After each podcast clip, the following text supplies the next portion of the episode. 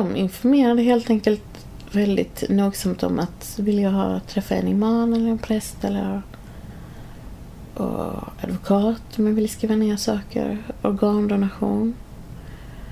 Ehm, um, om man kan tänka mig att donera och vad jag kan tänka mig att donera i sådana fall. Idag ska vi lyssna till Jenny som genom sin berättelse vill förmedla att kropp, själ och ande är en enhet. Det var en upptäckt hon gjorde efter en svår operation. Välkommen till Hannas Café. Jag heter Stina Backlund. Och jag heter Maggan Johansson. Författaren Hillevi Wahl sa i en intervju att jag känner inte en enda kvinna som har ett helt avslappnat förhållande till mat. Du, det stämmer nog. Det finns inget ämne som är så avhandlat bland kvinnor som bantning. All denna kroppsfixering och tal om bantning gör det svårare för den som ligger i riskzonen för att drabbas av anorexi eller bulimi. Idag ska du få höra hur Jenny, som hade kämpat med ätstörning och depressioner, helt plötsligt drabbades av en tumör.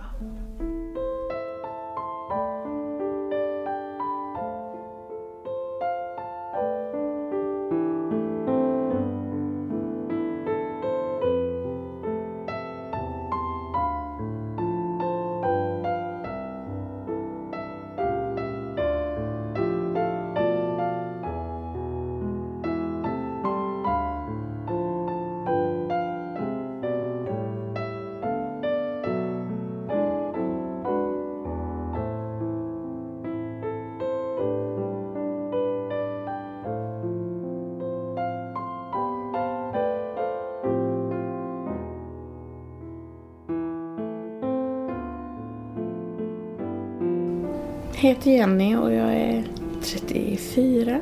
Tycker väldigt många saker är intressanta. Hållit på mycket med musik, film. Men eh, som profession att jobba kommer det väl bli något inom terapeutiska. Kropp, själ och ande är olika perspektiv på den enhet som är en människa. Ett befruktat ägg och ett nytt liv har tänts. Vid vuxen ålder består kroppen av cirka 100 000 miljarder celler med olika uppgifter.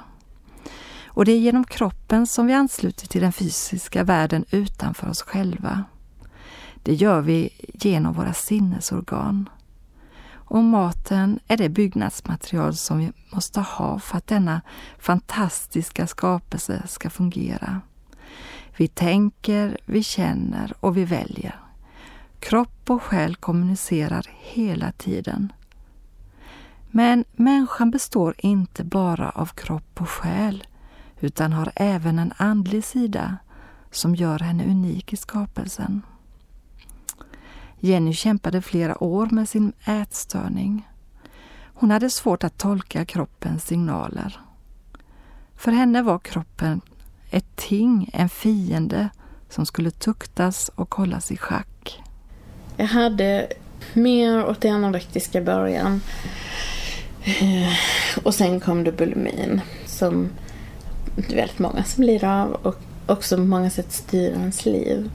I den månen att man betraktar sin kropp som ett ting som man kan göra lite hur som helst med. Och jag vill veta lite mer om hur bulimi yttrar sig. Alltså det går till så här att man går och köper mycket mat man har också en föreställning om att man måste berättiga det man köper. Tala gärna om att man ska ha fest eller någonting för en helt ointresserad kö eller kassörska.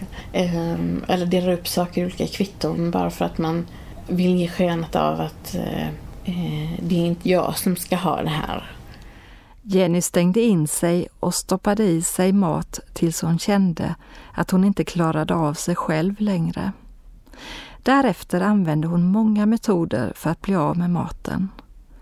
När det var sommarlov och hon började jobba brukade det vara lugnare. Hon ville ju inte att hennes matmissbruk skulle gå ut över någon annan. Under flera år körde hon hårt med sin kropp. Till slut sökte hon upp en psykolog som hade mycket kunskap inom området och hon fick hjälp att börja ta tag i sina problem. Men så helt plötsligt började kroppen strejka på ett helt nytt sätt. Jag... Eh,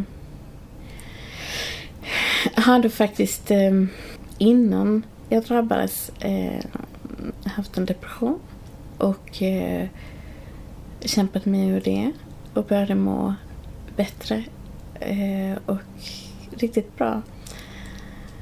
Eh, och kunde faktiskt eh, ser se framåt igen.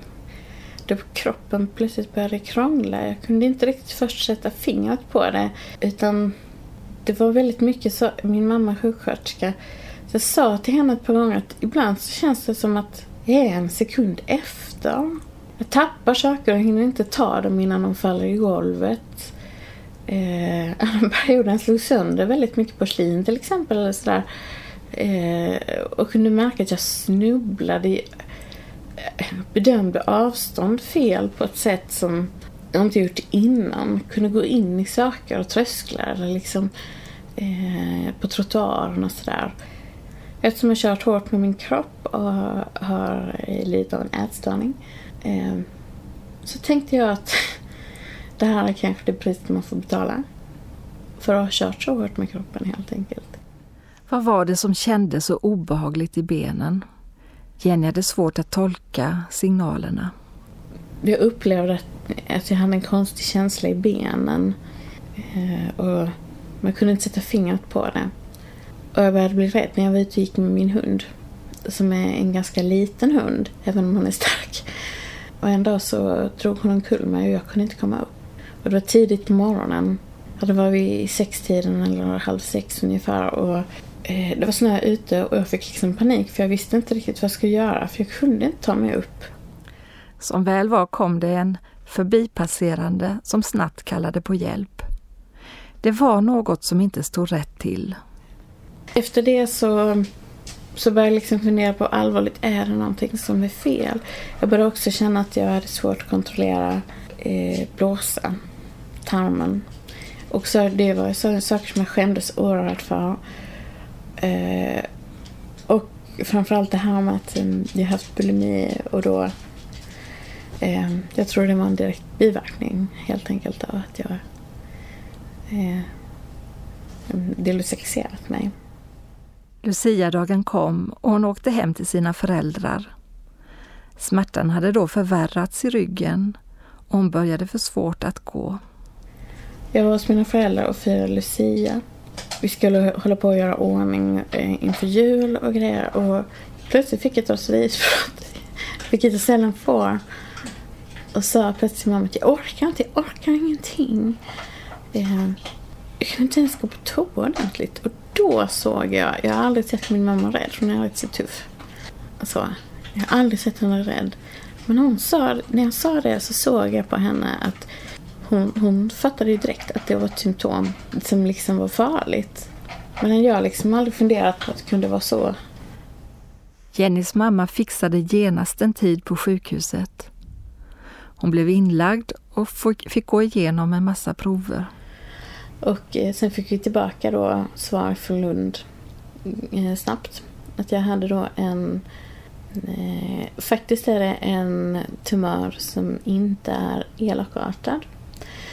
Men räknas in i cancerfamiljen just för att den sätter sig i princip alltid på ställen som inte går att operera. Utan väldigt höga risker. Den sätter sig antingen på ryggraden eller hjärnan. Detta inträffar oftast... Eh, det är väldigt sällsynt att man får det i min ålder. Eh, det kom ju som en chock. Tumör. Jag blev jättearg när de kom in och sa det. Nej, nu har du fått bakfoten så. Så de fick komma in en gång till och förklara att du har en tumör som sitter och klämmer mot din ryggrad. Eh, och det enda som är emellan det är en liten hinna. Och den är stor, det är därför du inte kan böja dig uppåt. Eh, eller rätta ut dig. Eh, och det är därför du har förlorat känseln. Och blivit förlamad. Alltså jag blev väldigt chockad. Jag hade föreställt mig att det kunde vara något allvarligt på det sättet. Därför att jag hade, en, som man har konstaterat efteråt, att jag har en enormt hög smärttröskel. Jag har kört väldigt mycket med min kropp. En del av problematiken när man har en ätstörning handlar om att man, att man inte räknar med sitt mående som en faktor. Att, att man själv ska må bra. Liksom. Utan och där kan, där liksom kanske någon som inte hade haft den problematiken hade sagt till mycket tidigare bara att hallå det här, det är någonting som inte stämmer. Allt gick snabbt och hon förflyttades till ett större sjukhus. Jenny hade varit van vid att tvinga sin egen kropp. Nu gick det inte längre. Hon var tvungen att anpassa sig till den nya situationen. Just för att det går så snabbt. Och sen så blir det det här att man tappar helt kontrollen när man hamnar på sjukhus i det läget. Måste man släppa saker som jag aldrig hade föreställt sig att man skulle släppa på? Typ löjliga grejer som att ja, men jag skulle ju aldrig kunna liksom eh, klä av mig naken liksom för en manlig sjukvårdare. Sådana grejer liksom, det försvinner ur prioriteringen. Eh, man blir glad om någon kan hjälpa en på toaletten. Att Gud fanns, det var hon helt på det klara med. Men hur kunde han som säger sig vara god tillåta detta? Hon brottades med Gud samtidigt som många bad för henne. Sen insåg jag ju plötsligt att det här är så pass allvarligt så jag faktiskt kan dö. Då den natten innan jag skulle opereras, jag tror aldrig jag varit så rädd i hela mitt liv. Jag har aldrig varit känt mig så buren. Ja, jag visste att det var så många människor som bokstavligen liksom eh, bad, bara bad för mig. Konstant.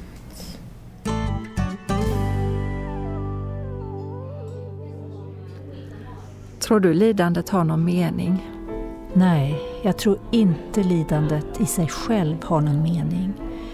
Men Gud kan gå in mitt i lidandet för att hjälpa oss vidare.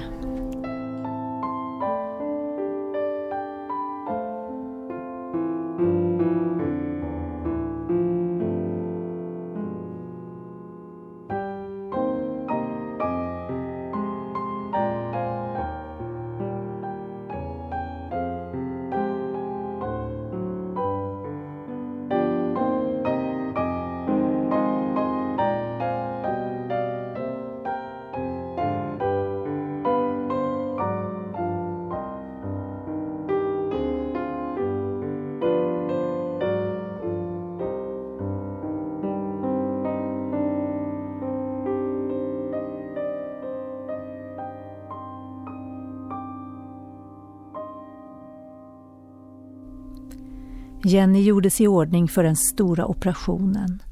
Tankarna snurrade runt och hon förde ett mycket allvarligt samtal med Gud. Ända tills jag fick den första, jag säga morgonsupen, men när jag fick det här sömnmedlet på morgonen och jag hade skrubbats ren och um, jag hade lagts på båren och uh, de lyfte över mig på bordet så tänkte jag att det finns en chans. Och det var väldigt jobbigt. Det är väldigt svårt att känna när man är, har en stark gudsnärvaro. Att känna att varför blir det varför blir det så här? Det är inte det att jag ifrågasätter att det finns. Det är ett problem att det finns. Och inte gör någonting åt detta just nu. Det var väldigt svårt för mig. För jag visste, och det sa jag också när jag bad, att Alltså jag vet liksom att den här processen handlar om att det kommer säkert göra mig till en bättre människa eller öppna saker och man kommer förstå bättre och om jag överlever och, och naturligtvis kommer jag se på saker och ting annorlunda. Absolut, jag förstår grejen. Men om jag tycker det jag kunde känna att var mycket i min kamp det var att du kunde inte jag haft nog redan. Jenny som var så van vid att försöka kontrollera sin kropp var nu tvungen att ge upp och bara överlämna sig i Guds hand. När det var i det ögonblicket när de lyfte upp mig från min säng och jag lös på operationsbordet. Då slog det mig verkligen att det är verkligen ingenting som vi... Alltså de här läkarna kan vara hur duktiga som helst. Men vi bestämmer ändå inte utgången. Det, finns, det är inte i deras händer det ligger. Utan är det slut nu så är det slut nu. Är det den tiden så är det den tiden. Det kan vi inte bestämma. Liksom. Det ligger inte i vårt... Det är ingenting som tillfaller oss. Det som vi gör, det som de här människorna kan göra, de här skickliga läkarna och så. Det är de gör det de gör, men det är inte de som bestämmer ytterst. Det, det går inte att ha kontroll över det. Man tappar det greppet, tappar livet liksom. Alltså man hamnar i ett läge liksom, eh, där Gud har hela ditt liv i handen och du känner att det beror på att det, det är bara på det. Liksom. Just på julafton så opererades jag i åtta timmar på liv och död. Eh, det är en så märklig känsla. En tanke flög genom Jennys huvud när hon vaknade ur narkosen. Ingen skulle någonsin frivilligt låta sig korsfästas. Ändå hade Jesus gjort det. Det första som slog mig när jag vaknade var faktiskt att, att ingen människa skulle tillåta sig att bli korsfäst frivilligt. Det var min första tanke när jag vaknade. För jag vaknade och kände lukten av mitt eget blod, min sårvätska. Jag kunde inte prata. Jag låg upppallad rakt alltså på ryggen med armarna utsträckta. Och det var faktiskt min första tanke. Jag trodde inte man kunde liksom genom smärta också kunna känna den närheten. Men jag vet ju att någon vet hur det känns. Och jag vet att ja, men jag hade ju ändå medicin. Jag var inte upphängd på ett kors. Jag hade antagligen bara en liten föraning om vad som hände där. Hon hade ont och var trött och omtumlad. Läkaren bad henne lyfta på fötterna och böja på knäna. Vad sysslade de med? Då slog det henne att hon faktiskt inte hade kunnat röra sig på länge. Nu kunde hon röra på allt. Föräldrarna drabbades av maginfluensa någon dag efter operationen. Då kom en vän från deras bönegrupp på besök. Eh, då hade han varit i stan och då ville han bara komma in och säga hej. Eh, för han visste att mamma och pappa inte kunde komma. Det är en otrolig omsorg i det. Eh, och hans familj hälsade på mig flera gånger. Alltså de känner ju inte mig, men de känner mina föräldrar. Och de bad med mina föräldrar. Eh, det är en otrolig nåd i det. Som är få förunnat. Tiden gick och det var dags att förflyttas till rehabiliteringen. Nu var det helt plötsligt kroppen som hade tagit kommandot. Den kropp som hon tidigare bara hade sett som en sak som kunde behandlas hur som helst. Jag gick sen vidare till rehab. Där jag bodde några månader och fick lära mig att gå igen och cykla igen. Spännande saker. Det var väldigt jobbiga perioder. Samtidigt ska jag också säga att om man säger det svåraste när man har haft en ätstörning det är att få tillbaka bandet och medvetandet i kroppen. Av någon märklig anledning så blev det ju så att jag fick det. Operationen gjorde att jag fick det. Min kropp styrde totalt över min intellektuella alltså, förmåga helt. Och just det här liksom att kroppen krävde saker och jag var tvungen att ge efter för det. Nu är du trött. Nu är det mat. Nu så måste du ta värktabletter. Alltså det fanns, eh, det fanns inget att välja på nej, nej, men jag har ju, nej, men jag kan göra det här istället. Eller, det var bara att göra så. Jennys brottningskamp med Gud var inte över. Hur kunde han tillåta? Det här var inte den väg som hon ville gå. Hon ville ju göra klart sina studier och detta hände mitt i den period då hennes vänner höll på att bilda familj. Det är tankar som fortfarande kan dyka upp, fast inte lika ofta. Ibland undrar jag så här, det är så, jag har tänkt på så här ibland när man har ber och sådär så kan man uttrycka eller man säger saker liksom att ja men jag vill att du ska liksom visa vilken väg jag ska gå i livet och du ska få ha, liksom man överlämnar sig rent ordmässigt till Gud. Så, så tänker jag, alltså när man väl drabbas av det så kanske man inte blir så, är så förtjust för det är inte så man ser det då. Liksom. Utan det, det är liksom just det här att vi uttrycker ofta så att och när vi drabbas av det så blir vi helt skräckslagna och tänker men pysslar, vad pysslar du med? Liksom. Eh, är det inte nog nu? Men ju längre tiden har gått så har insikten fördjupats. Gud helade inte bara henne när hon hade en tumör utan han har omsorg om hela hennes mående. Alltså, jag tror vi har väldigt fasta, vi har liksom fasta idéer för de här begreppen när vi pratar om Gud. Och så kan jag inse liksom ibland att, aha, men god kanske betyder någonting ännu mer än... De här begreppen kanske är ännu större. Barmhärtighet kanske omfattar saker som vi inte tänker kanske är barmhärtiga. Det liksom fick mig att omvärdera hela den biten. Jenny har funderat en hel del över en vers som står i första Korintierbrevet. Vet ni inte att er kropp är ett tempel åt den helige Ande som bor i er och som ni har fått av Gud? Ni blev friköpta och priset blev betalt, så förhärliga då Gud i er kropp. Jag har insett banden mellan liksom det här att det låter banalt för många, men för någon som har haft en ätstörning tror jag inte, alltså det är inte främmande det här att sömn, mat eh, och de här bitarna som är självklara för väldigt många är eh, att de funkar liksom. Utan det är någonting som man styr själv. Nu inser jag att det inte är så. Man måste sova, man måste dricka vatten, man måste äta ordentligt för att må bra. För då tänker man bra. Och om man har ont någonstans och inte mår bra så är det en signal som talar om att någonting inte stämmer.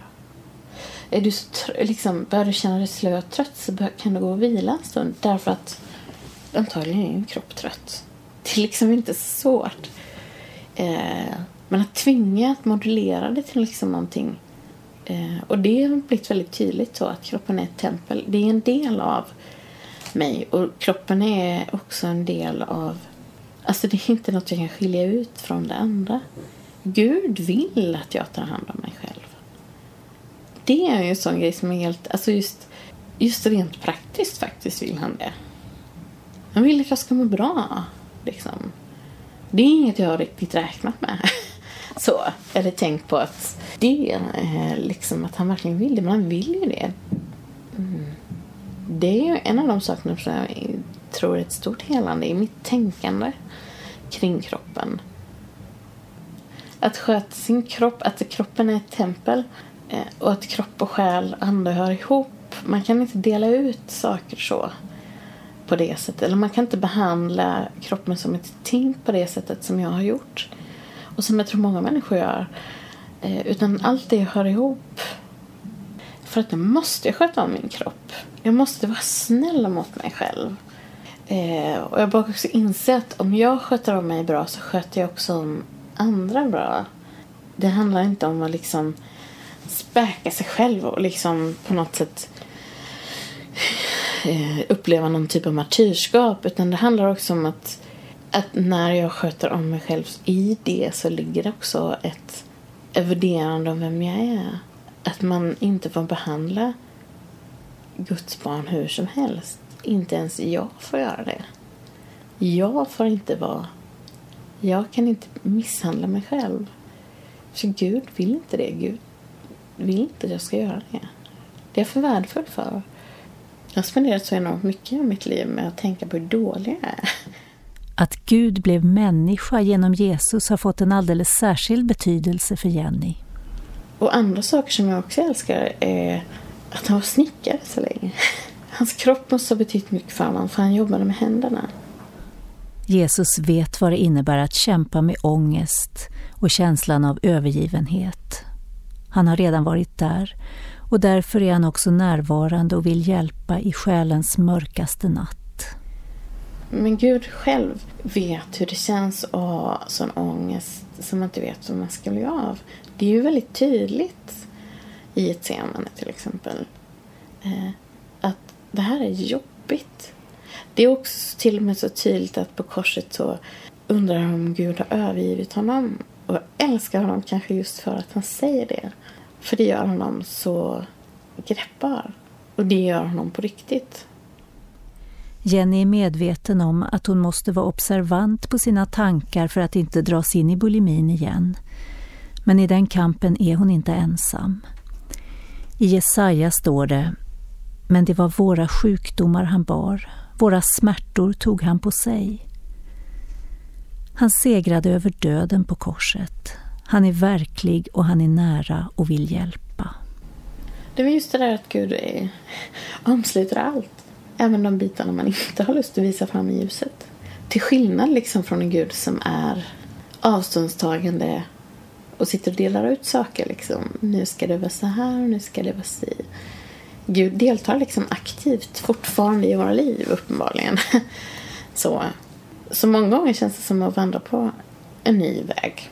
För nu har jag den här erfarenheten. För jag menar, nu kan jag liksom se det på ett annat sätt. Jag kan se det också i att de saker som jag kanske betraktat som oviktiga, som att alltså, verkligen leva i nuet nu. Precis det jag gör. Mm. Att värdera det jag kan, till exempel. Att det spelar roll. Jag tror att min tid är nu. Gud, du som har skapat var och en av oss med kärlek. Hjälp oss inse hur viktigt det är att vi tar hand om oss. Hjälp oss att se på oss själva och på varandra med dina kärleksfulla ögon. Amen.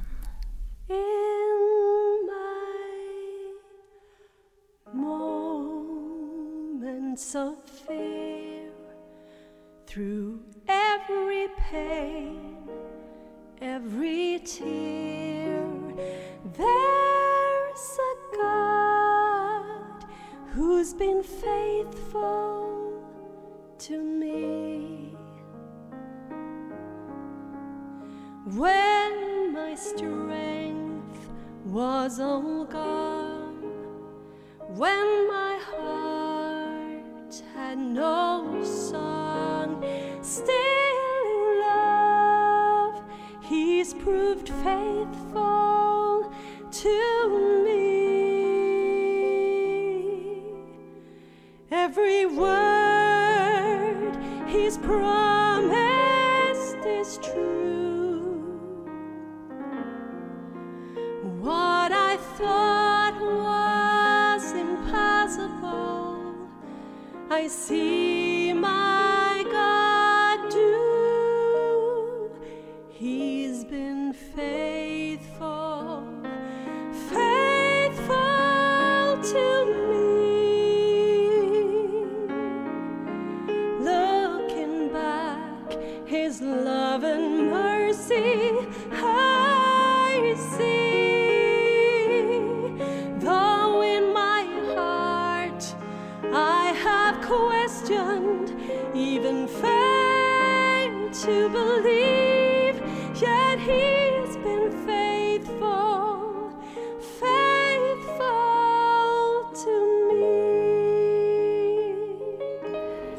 Vi lyssnade till He's been faithful med Malin Övrell. Idag har du fått träffa Jenny här på Annas Café. Hon har bland annat berättat om sin ätstörning och hur hon fick tillbaka känslan för sin egen kropp. Som vanligt är du välkommen att höra av dig med tankar och funderingar. Adressen kommer alldeles strax. Ta väl hand om dig.